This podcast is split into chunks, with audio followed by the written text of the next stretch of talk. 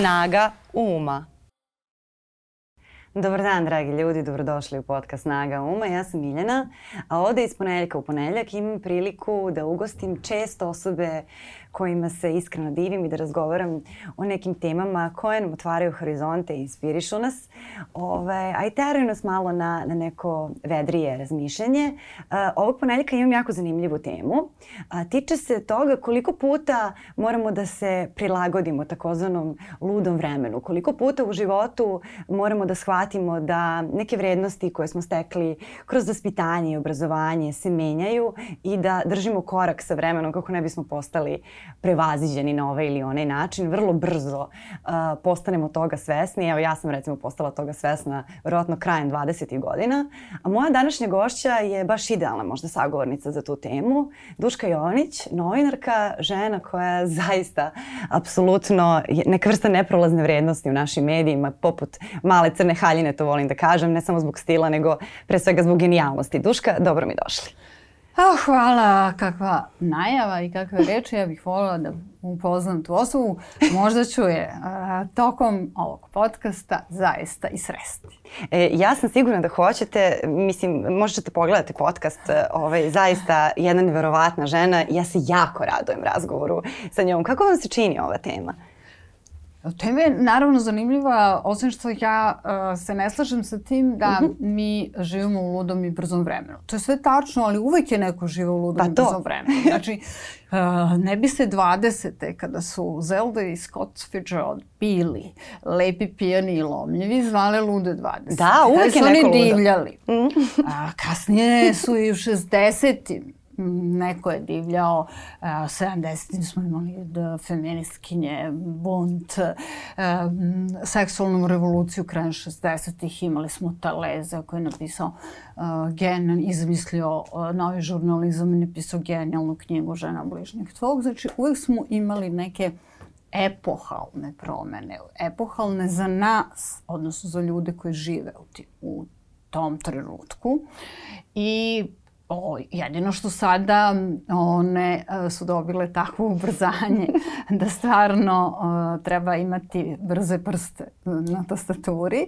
Uh, bilo da je reč o smartfonu ili laptopu i brzo uh, jednostavno prelaziti iz jednog agregatnog stanja u drugo uh, kada se bavite ovim poslom kojim uh, se ja bavim, odnosno bavila sam se, nešto sam, e, mi se čini da su ljudi zaboravili da sam ja novinarka i mi će mi drago da se sad malo podsjete. Ne, ne mogu da verujem da, da je neko to zaboravio, ali jeste to zaista, ja se sećam bukvalno i moje bake, to je stalno, uvek je neko ludo vreme, zato sam to i upotrebila kao mi se uvek prilagođavamo ovom ludom vremenu i uvek je ovo ludo vreme, pa sada bilo to ludo vreme 60-ih, 70-ih ili sada 20-ih godina ponovo, stalno, sta, stalno ćemo govoriti da je ono čemu treba da se prilagodimo i prema čemu možda imamo neki blagi otpor, nešto ludo, nešto novo, pa onda ili naučimo da pronađemo nešto i lepo u tom vremenu ili ga jednostavno prepustimo. A kako e, je izgledalo vaše vaspitanje? Koja je bila vaša ta osnova koju ste, koju ste dobili pa posle prilagođavali raznim ludim vremenima, ako tako mogu da kažem? Ja sam odrasla s bakom i to je uh mhm. -huh. najbolji period uh, mog detinstva, kada Kako sam posle, pa najbolji, zato što je žena bila fenomenalna pa da. ispred svog vremena. Ona se doselila iz Vukovara je završila gimnaziju, inače su m, moji poreklom iz Like. Um, tamo se o, rađaju žene kojima ni, ne, ni medvedi ne mogu ništa. Uh, to je uh, činjenica. Uh, tako da sam ja sa njom imala jednu vrstu uh, ozbiljnog drila Dakle, e, dobila sam lekcije koje su bile intimne, životne i istorijske. Dakle, e, prva fotografija koju sam ja videla je bila fotografija golobradog e, mladića, uramljena i sečana iz novina i tek e, prvog dana kad sam pošla u prvi osnovne, kad je trebalo da zavežem pionirsku maramu, baka mi je rekla da ću ja slušati mnogo o Josipu Brozu, ali da ja to prihvatim na način na koji je to potrebno i da me održi u, u tom sistemu, a da ja nikad ne zaboravim na našeg sirotog kralja Petra. E, to sam ja tad shvatila da je to kralj Petar na toj slici koji tad ima 17 godina. Dakle, ja sam naravno posle se odužila baki i srela ljude koji su ga poznavali i napravila i priču o ženi koja je sahranila oba Karadžažića u Micilov. E, dakle, to je bio taj moment. Intimne lekcije su bile a, jako ozbiljne, koje nisam čula od svoje majke, znači muško-ženskih odnosa. I ona, iako nije bila iz neke, da kažemo tako, stare uh, porodice, građanske, ona je me, pre što znala sva slova, upisala na francuski. I ja sam kao sa nekom crvenom torbicom išla dva, dva, dva ugla dalje. Živjeli smo u internacionalnih brigada na Neymaru i morala sam da učim francuski. Morala. E, bila sam nekako starmala i ja strašno sam mrzala da idem u dvorište da se igram, jer sam bila i trapava. Tako da e, to uh, mi je bilo, m, nije mi to teško padalo i morala sam u prvom osnovne da pročitam, ne znam, sto knjiga mimo lektire. I meni je to jako prijelo i osim što sam kasnije naravno svu tu svoju strašnu povučenost i stidljivost koja je i danas užasno izražena, samo se ja pravim da to nije tako. I ja sam onda kasnije to nadoknadila i osvetila se, jer sam uh, posle u nekom trenutku tinejdžerskom uh, prešla da živim sa roditeljima i uh, bila, pro, moja majka bila jedna vrlo, vrlo stroga žena s kojom se ja nisam uopšte razumela i zbog toga uh, uvek govorimo o baki i govorimo o svom tati uh, koji je nekako bio taj tolerantni tip. Uh, ne da bi me on puštao da ja nešto, ja nisam ni htela da a, nešto posebno pravim neke ekscese. Znači imala sam a, taj deo, ajde da kažem, gimnazije i studija, a, potpuno sam bila jedna povučena osoba a, koja je do duše samo imala jedan mali ispad, žela sam da budem Olivera Vučo, ali pošto nisam imala apsolutno ni jedan uslov, nisam za to ispunjavala, sve ostalo sam ja kasnije nadoknadila zahvaljujući poslu, pa da kažemo tako, u stvari zahvaljujući strasti i avanturama duha u koje sam krenula a, kad sam počela se bavim novinarstvom. Ali vas je u stvari sada kada razmišljam i kada razmišljam o tom vašem životu koji je tako spektakularan u kontekstu i novinarstva i vašeg odnosa prema životu koji je vrlo velika inspiracija i meni, ja znam i mnogim, mnogim koleginicama koje su i mlađi i stariji od mene. Uh, vi ste u stvari vaspitani da budete svetska žena. Vi ste vaspitani da se prilagođavate, da ne uzimate ništa zdravo za gotovo, da ništa nije zapisano u kamenu, Nisam ja vaspitana da budem svetska žena. Moja se niko nije bavio nikakvim javnim poslom. Uh, moja majka je očekivala verovatno da ću... Uh, mi smo vaspitani, to su te generacije kao super. Kako, a francuski uh, u šest godina? uh, to je baka. Pa baka, na baku i misli. Uh, baka je uh, to gajila. Ja sam eto, imala sreću da je ona živala do mojih 38 godina. Tako da ona doživela um, sve te moje tekstove i novine u kojima sam radila i uvek mi govorila uh, šta misli. Bila je vrlo strog kritičar, ali uh, sam ja uh, prosto morala da to se podrazumevalo da to su bile generacije kao završi se uh, uh, gimnazija, završi se fakultet, udaš se, rodiš decu. I to je bilo to. Ja sam sa 16 godina rekla da se neću udati, uh, zato što ne mislim da je to nešto jednostavno, naravno svi su mislili da se šalim i da uh, sam možda zamenjen u porodilištu, ali um, jednostavno sam, meni je činjenica da sam se ja sama izborila za taj posao. Mene je tata zaposlio u preduzeću Jugohemija, pošto sam ja završila prava. On me zaposlio uh, i uh, ja sam jednostavno prvi put u životu, to je bio prva promena, prvi moj bunt. Uh mhm. -huh. Ja sam rekla ne. Ja ću da budem kućna pomoćnica, ja ću da, da radim bilo šta, samo ne mogu uh, da se time bavim, zato što želim da probam. A nismo upoznavali nikog. I onda sam ja tako krenula da u tu svoju američku novinarsku biografiju od uh, Supe uh, i gotovih jela 29. novembra na Radio Beogradu gde sam volontirala preko pazara i kasnije duge i svih tih novina, tako da sam ja te svoje avanture stvarala sama.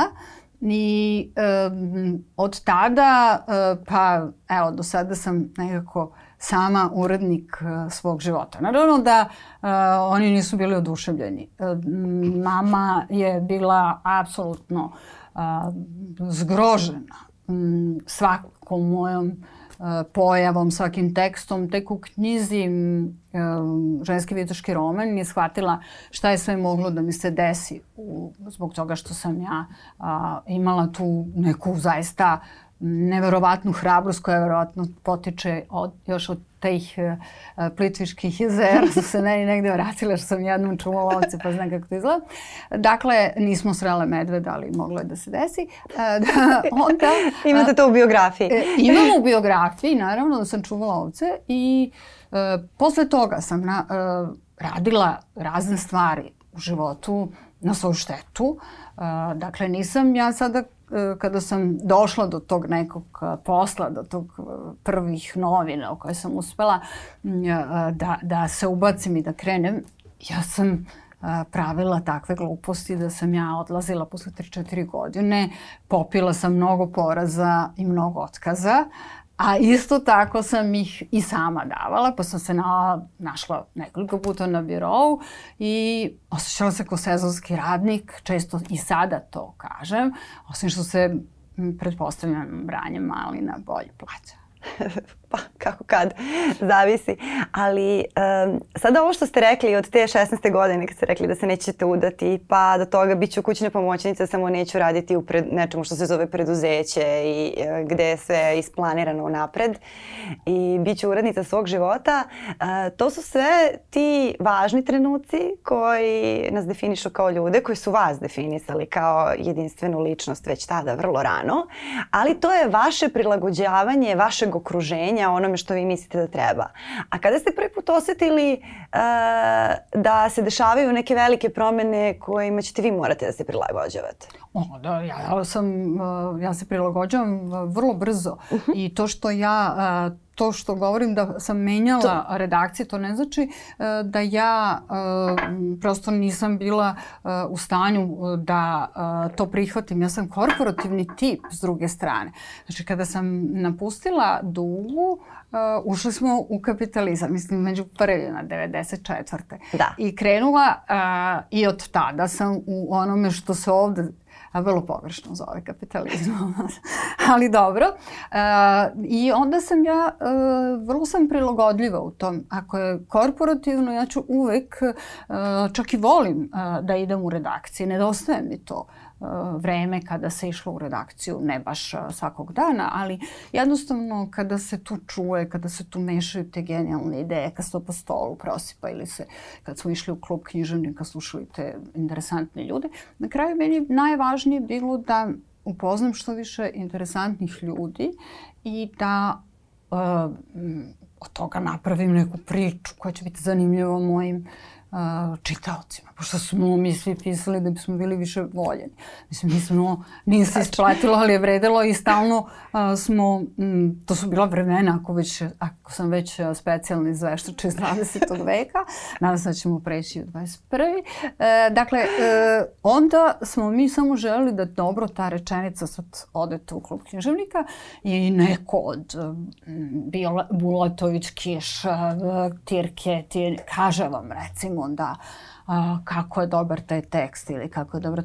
Mislim, vama je to apsolutno dovoljno. Ili Igor Mandić mi kaže ti bi sad trebalo ovo da radiš, znaš, u polemici ti ovo važno.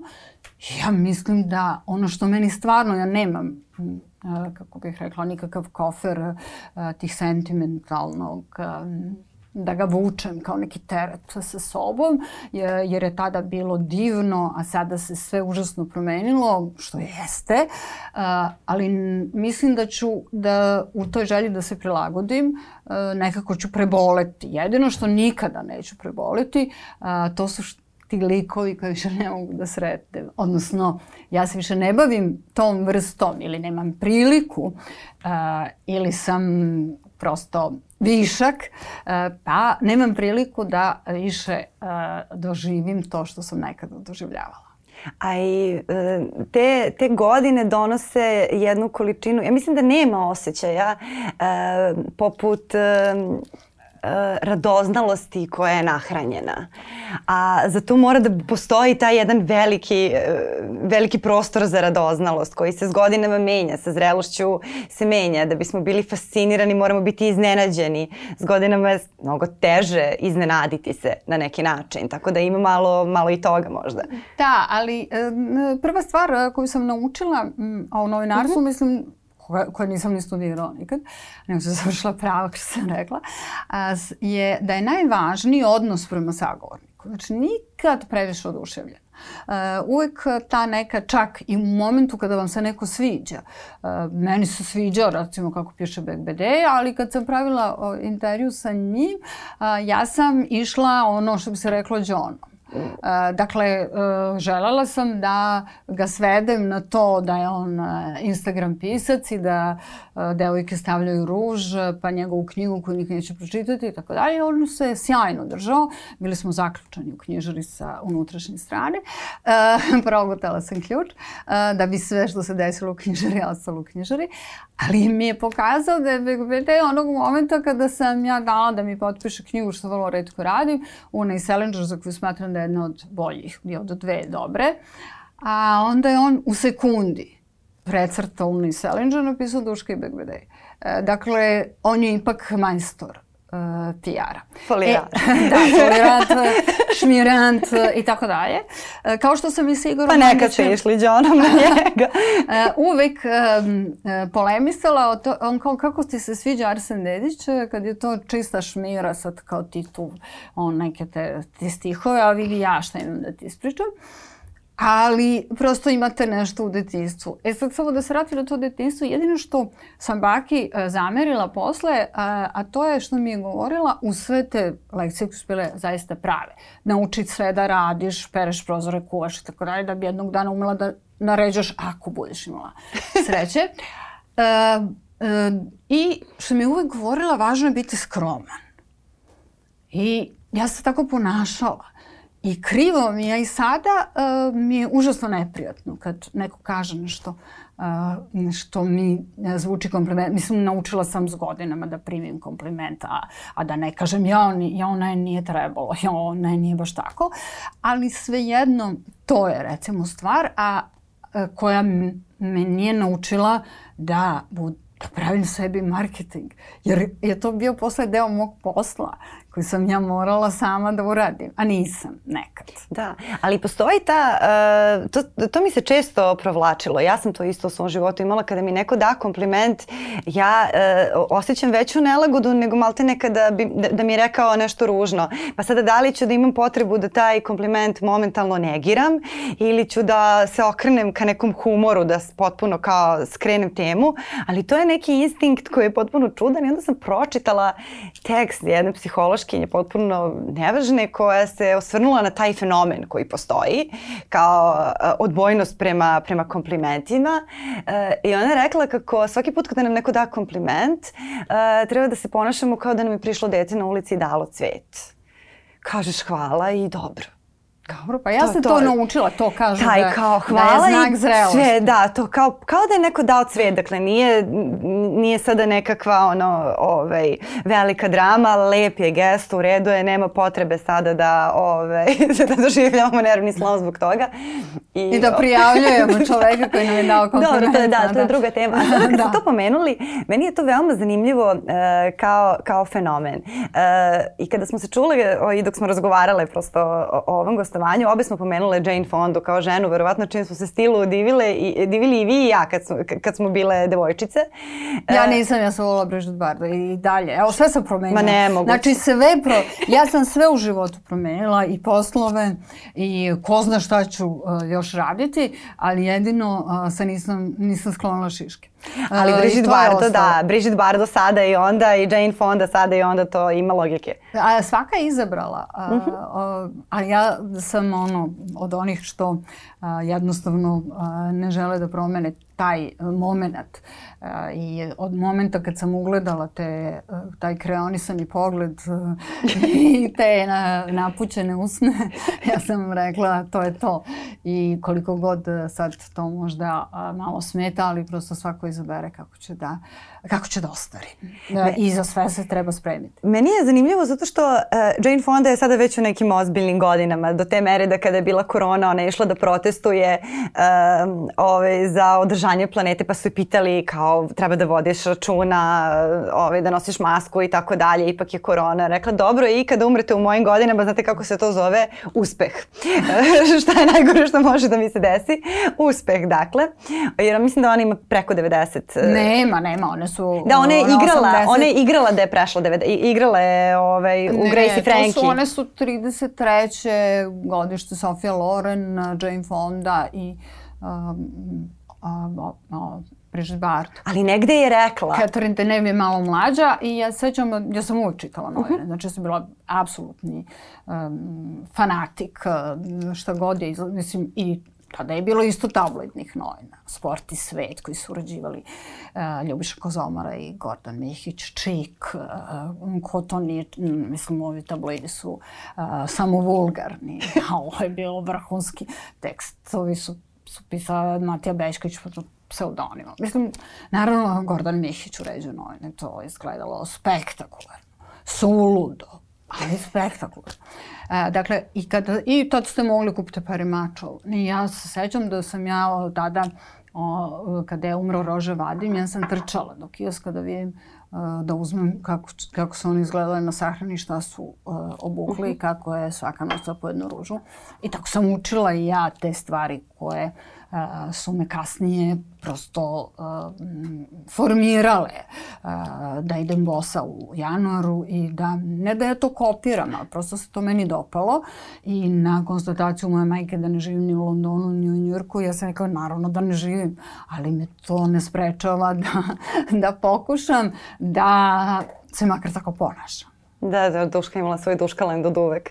Ali um, me, ja uvek ste ostavljali taj utisak kao da, da je magija svuda da dođete izbog stila, izbog svega, ali uh, meni je ovde zanimljiv jedan drugi fenomen, uh, što imamo cijelu tu jednu generaciju, uh, ovaj, koja je generacija žena na koju ste se verovatno vi ugledali, uh, ali uh, mnoge od njih se čini da su tek sada zaista pronašle tu svoju slobodu. Da, da Jane Fonda tek sada u zaista ozbiljno zrelim godinama e, kaže kako se prvi put ne opterećuje oko toga kako izgleda jedna od najlepših žena na svetu bila uvek. Ali prosto ti neki pritisci ove, i te promene koje su dobre promene koje su došle i sa tim feminizmom i sve ove, su učinile da, ne znam, John Collins prvi put sada progovori um, o, o situaciji situacijama koje je imala, koje su vrlo traumatične. Dakle, to su neke kao žene koje u ozbiljnim godinama se čini da se tek sada oslobađaju. Ove, I kako vi gledate na taj fenomen? Koliko, koliko je to čudno? da, one su tada, ne slažem se da one, da ih nije da ih tek sada uh, uh, -huh. baš briga, kako naprotiv, vrlo vodi računa John Collins sa teškom šminkom u svakom trenutku. Uh, Jane Fonda takođe. Mm, I to što način na koji ona sad predstavlja, jedino Brigitte Bardot uh, ima istu tu kosu i ima uh, puno bora jer je spaljen od sunca, ali uh, one su sada progovorile zato što u vreme tog Hollywooda koji se nama uh, jako dopadao u smislu to zlatne koke Hollywooda, uh, još pre svih uh, Marilyn Monroe naravno, one su, tada je bilo uh, jednostavno, nije bilo damski uh, govoriti glasno, uh, zavodnice su šaputale, m, zato što uh, to čak je radila i Jackie O, uh, moja ljubinica, Jer kad šapućete, onda vam se kao muškarac e, približi, pa ga vi time zavodite, a mi smo, uh, kasnije su došle žene koje su protestovale, koje su govorile glasno i tako dalje, bile, uh, pa skoro da je njihova vršnjakanja Gloria Stein, da. na koju sam se ja ugledala. Ona je prva rekla da, To što neko ima matericu ne mora da znači da treba roditi decu, ko što neko ima glasne žice, neće postati operski pevač. Uh, dakle, uh, evo sada je Meghan Markle se sastala sa njom um, u u Njujorku, sada, mislim, pre izvesnog vremena, pa sam videla, znači ona je bila najlepša feministka, isto izgledala top. Ali je 60 70-ih prva krenula u to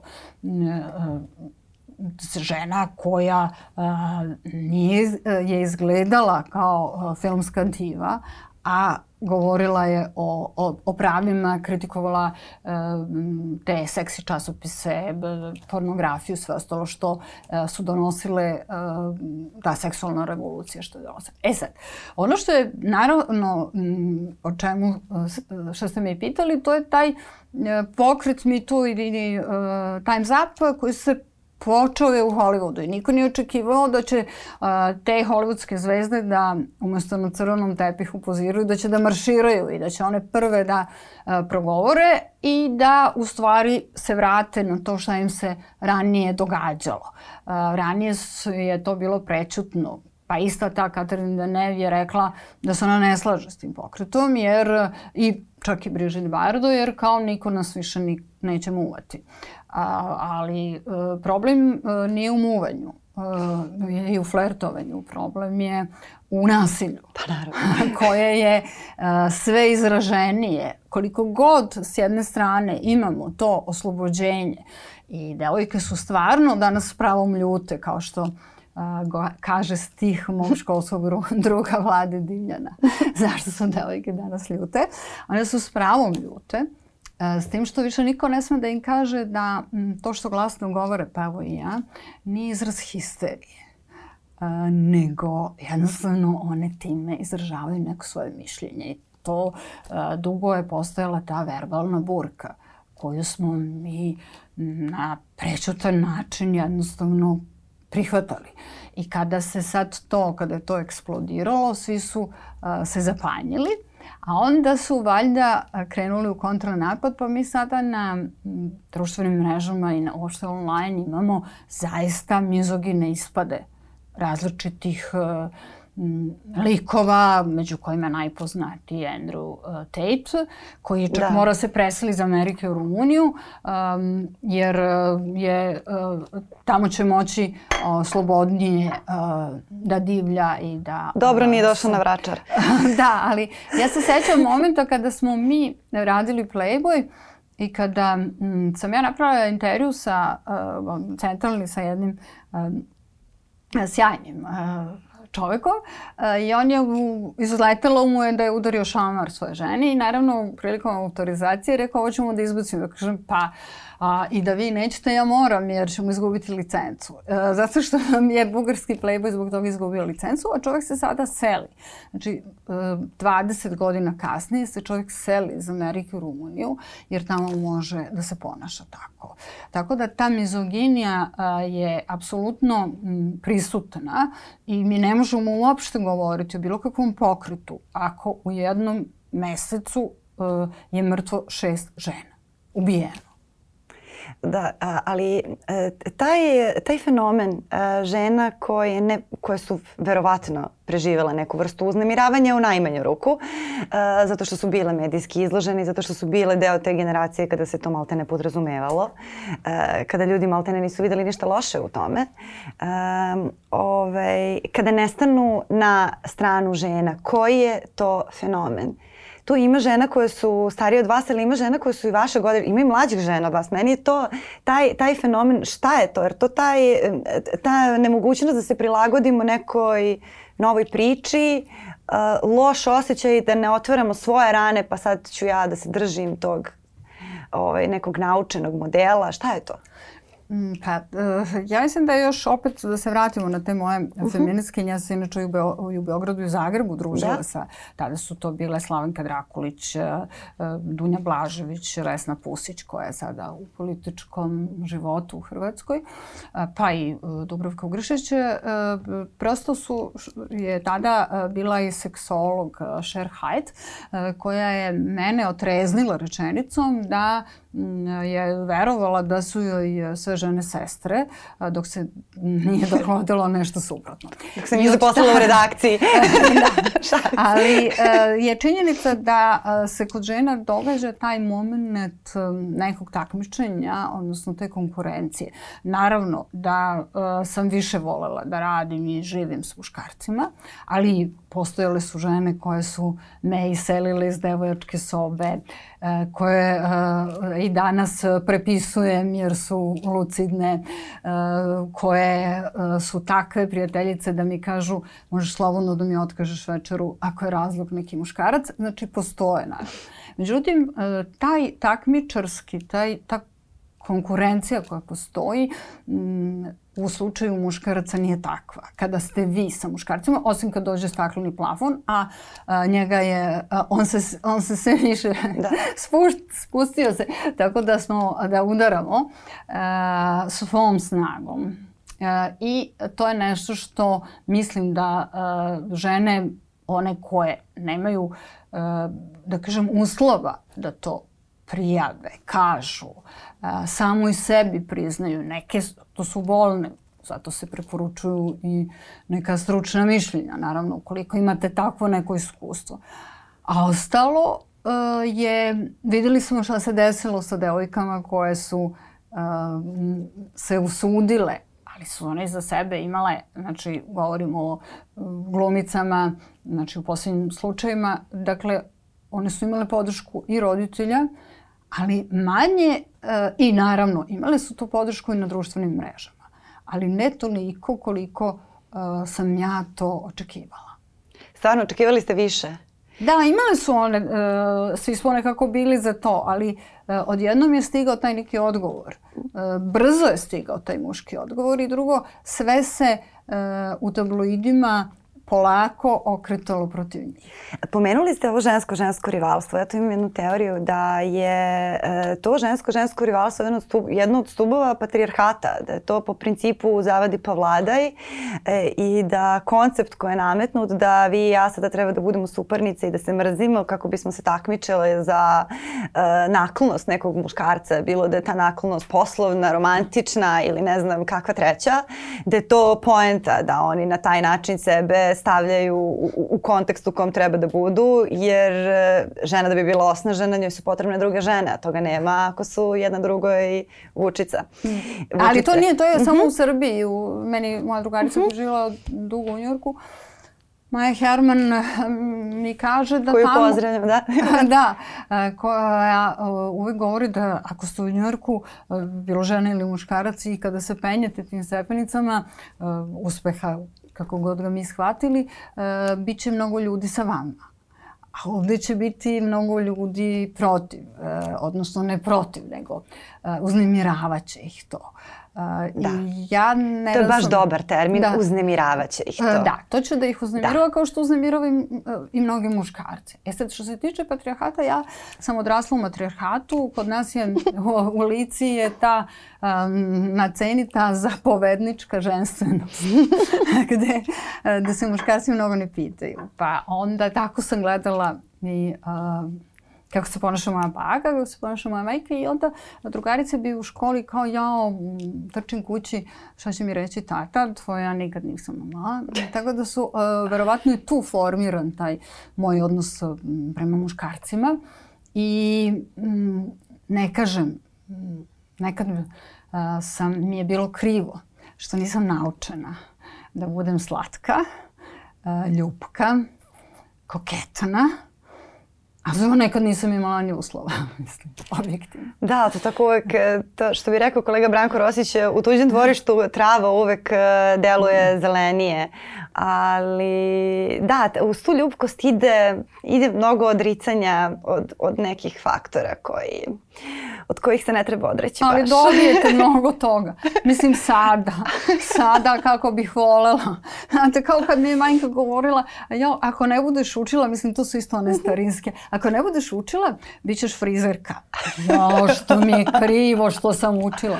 Dakle, e, sad bi to bilo politički korekt, nekorektno reći. Pritom sada pritom ove, sada frizerke da su, da. Pa ja, ja apsolutno ne bi sedela ovde svakako, ne biste me pozvali, ali bih ja živala jedan potpuno drugačiji život.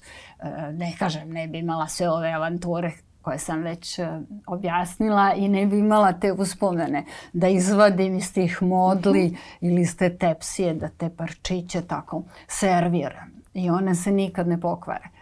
Mislim, uvek, uvek, uvek mogu da se konzumiraju. E sad ja ovako, pošto ovo podcast, ovo nije klasična intervju, imam pravo da budem oduševljena. E, tako da žao mi je.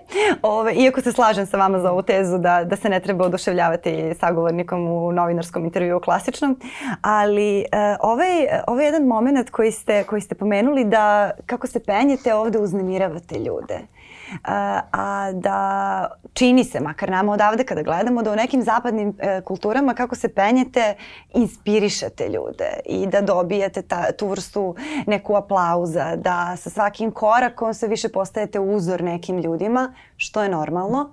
A, vi uznemiravate.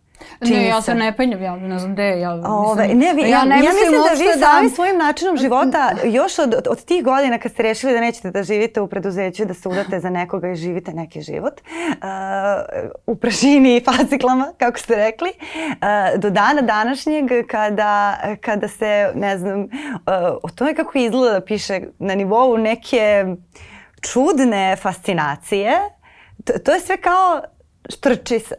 Da, to jeste. Ljudi misle da ja, mhm. pošto se ponašam, uh, ja volim dizajn svakodnevnog života. Mislim, to je meni da. i da ja napravim umetnost od tog života, uh mhm. -huh. koji je običan, koji je život. Uh, gde ja normalno da uh, kuvam, perem, peglam, uh, sve to radim jer sam to naučila, već sam to ispričala. Uh, dakle, uh, ako treba mogu da budim kućna pomoćnica uh, vremena su takva da nikad ne znamo šta nam se može desiti. A s druge strane, ali ja se trudim da taj dizajn, e, i zato sam ja strašno zavolala e, društvene mreže, to Instagram, e, i ja tvrdim da je Instagram jeste život, bar ga ja tako shvatam i shvatam ga kao novine odnosno neku vrstu, tako ga i uređujem. Ali ljude ja nerviram. Mm, rekli ste mala crna haljina, mala crna haljina um, je neprolazna, ali je i dosadna. I, to me, boga mi, zavisi ko je u njoj, nemaš tako. isto tako, ljudi kao, ma šta sad ona hoće? I sad ja da odgovorim na to pitanje svima. Ništa od vas, pošto mi ništa niste ni dali. Dakle, ništa ne želim od vas, samo od sebe. A to uh, je mnogo veliki problem. Šta ja sve od, od sebe hoću i zašto ja ne odustajem. I zašto ja, uh, Slavenka Drakulić je već napisala knjigu Nevidljiva žena, i zašto ja ne pristajem da budem nevidljiva? Uh, da li je to uh, nešto što će me jednog trenutka možda um, mi samoj smetati, može ću pretvoriti se u, izazvati i negativno, i, što se vrlo često događa. Ali uh, svima koji brinu, a, a u stvari nebrano na pravi način, jer bi se već neko našao da reši moje probleme. dakle, svima koji brinu. E, ja moram tržišno da se dokazujem. I samim tim, e, moram, moj mozak mora da radi ovako kako radi. E, ljudi moraju da misle e, da ja imam snagu i strast osobe od 40 godina I ja ću to trčati, taj maraton, da god me noge budu nosile. Meni se često čini kada pročitam neke komentare, kada, kada pročitam neke, neke naslove koji se tiču žena, svakodnevnog života, ne mislim sad konkretno samo na, samo na vas, ali tu percepciju kako život treba da izgleda, ono kao majka, ova, ona, šta je majka, šta je žena, šta je kratka suknja. Dakle, kada vidim koji je datum i, i koja, je, koja je godina, a, a kakve, kakvi se stavovi plasiraju kao neki javni, a, ponekad pomislim da živimo stvarno u zabiti i, i, i uhvati me neka vrsta panike. Um, Mo, možda je svuda tako, možda mi neke zapadne zemlje gledamo kroz filmove, pop kulturu i knjigove, knjige koje same, bira, same biramo, pa onda naravno da je to ona vrsta stvarnosti i ona vrsta da. mikrokrugova koji su nama bliski. E, o, jer ja ne gledam reality programe koji se snimaju u nekoj tamo Ajovi, nego gledam stvari koje se dešavaju, na primjer, na Manhattanu ili tako dalje.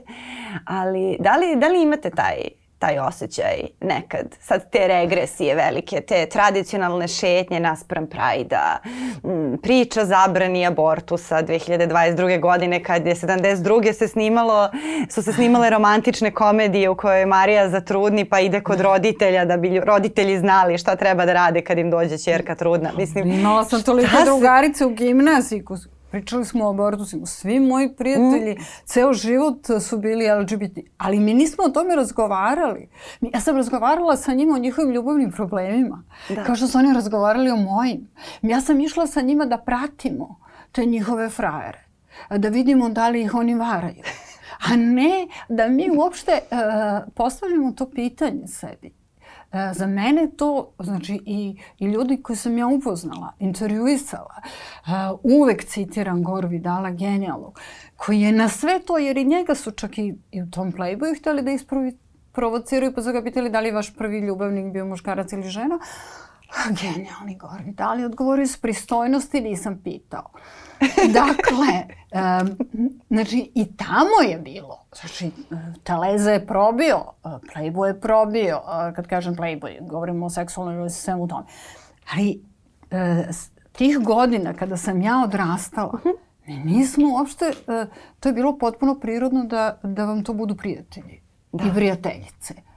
Uh, sada uh, mi doživljamo, ja kada sam pročitala stvarno, mislila sam da nešto nije u redu s mojim očima, uh, koje su, ja sam inače kratkovida, a onda su ljudi počeli da govore o zabrani abortusa prvo u Poljskoj, a onda u Americi. Ja sam se pitala, čekajte, ja sam žela sa četiri godine da idem na mesec. A, 69. nisam otišla na plažu da bi gledala Nila Armstronga i pružala ruku da me povede makar u režiji Stanleya Kubricka. I nadam se da ću otići na taj mesec, ne medeni, nego pravi. I u nekom trenutku kada ljudi o tome razmišljaju, mi živimo u Kasabi, kad kažem Kasabi, ne mislim samo na Beograd. Mislim uh mhm. -huh. na svet. Globalna Kasaba. Uh, kasabi u kojoj se uopšte to dovodi u pitanje. Jer imate strah od toga da će naše sledeće prilagođavanje biti na taj svet i sluškinjene priče? To vas pitam zato što ja imam. Uh, iskreno, bojim se da ću se sa, ne znam, 42 godine probuditi i shvatiti da da, da, da je sve po uzoru na neke godine od pre 500 godina i da su ti neki liberalni ideali potpuno zaboravljeni i da sad treba da se prilagođavam svetu u kom se, ne znam, naši gej prijatelji, ono, krijemo ih po podrumima, u da, tim istim podrumima da, vršimo abortuse. Da, više nisu marginalna grupa, ih krijemo. Nego su jevrej da. za vreme drugog svetskog rata. Da, potpuno, pa, potpuno imam taj strah, jer recimo kada, kada imam osjećaj da, da je naša zemlja na neki način uh, kaska za svetom, to mi nije strašno jer kao ok, stići ćemo tamo. To je ona čuvena cakanina iz otvorenih vrata, mene ovaj svet, ne, mene ova zemlja ne zaslužuje. Ali kao u redu, negde tamo u svetu je bolje. Čak i ako u mojoj zemlji bude loše, ja mogu da odem. A kada se na cijelom svetu to dešava, onda je to mnogo klaustrof, jer onda stvarno ostane samo taj mesec ne medeni, nego pravi. da, onda ostane, ali sad treba prod, uh, prodam ne bubreg, nego mnogo toga da bi kod Virgina, a o, o, o a, Elonu Masku ne znam ni da mislim, kod njega bestežinsko stanje mnogo skupo košta. E, dakle, uh, ja isto, kad gledate kroz istoriju, ipak je bilo vraćanja. Uh -huh. a, I a, imate humanizam u renesansu, pa opet vas nešto tresne po glavi. Vratite se, ja se isto toga bojim, ali pošto se, znam koliko imate godine, nećete se probuditi, eto ja se nisam probudila. a nadam se i da neću i da ćemo um, razgovarati o ovim stvarima, da ćemo eto uh, uspeti da um, se prilagodimo i da uh, idemo samo još napred. Uh, taj isti moment smo imali za vreme COVID-a, odnosno lockdowna, kao bar da možemo negde da odemo. Ali činjenica da i dalje ljudi, ono što me ohrabruje zaista, je da ljudi počinju i ovde da shvataju da se nisu negde zaposlili i tamo će, odatle će otići u penziju, odnosno umreti. Pošto svi kukaju kao strašno se pomera ta granica, pa će uh, radit će do smrti, pa i treba da radi do smrti, što je normalno. A druga stvar je da uh, ćemo mi uh, stvarno menjati zemlje, menjati profesije. Toliko ljudi iz mog okruženja kupili su neku zemlju pa sad prave neke farme, pa rade neke druge stvari jednostavno mi se čini, uh, ja više ne mogu da se bavim novinarstvom na onaj način na koji sam se bavila, ali ostajem u toj kreativnoj industriji. Pa ako sam umela da od svog svakodnevnog života napravim umetnost, valjda ću to uspeti i da prodam. jo, mnogo vam hvala na ovom razgovoru. Baš mi je onako brzo, brzo proleteo ja se iskreno nadam da ste, da ste u pravu, ali ako niste, ne znam da vas držim za reč da me naučite da čuvam ovce, pa da čuvam ovce zajedno ako dođe taj ne, crni dan. Ne, to loše, verujte. To mislim da... berete šumske jagode. Da beremo šumske jagode, da čuvamo ovce i da uživamo duška, se slikamo za Instagram ako, ovo, ako budemo morali da bežimo iz grada. da, Dobro, to je, ja nisam nikad optimista i ne verujem u sreću i uopšte radost nije moja a, religija, to apsolutno sam a, protiv toga, ali e, želim samo da a, e, tu kreativnost, znači to mi je interesantno i koncept. Najvažnije da imamo koncept, pa ćemo sa svim ostalim a, glupostima a, i primitivizmom i džiberajem, ajde da budemo a, oštri do kraja da se izborimo. Hvala vam mnogo. Hvala. Hvala i vam na, na vremenoj pažnji. Sa mnom je ovde razgovarala Duška Jovanić, kojom ja apsolutno jesam oduševljena i šta da vam radim tako je kako je. A, čuli ste, jako je važno imati koncept. To može da bude i neka tema za razmišljanje do sledećeg ponedjeljka kada smo ponovo tu na Nova RS. Prijetno.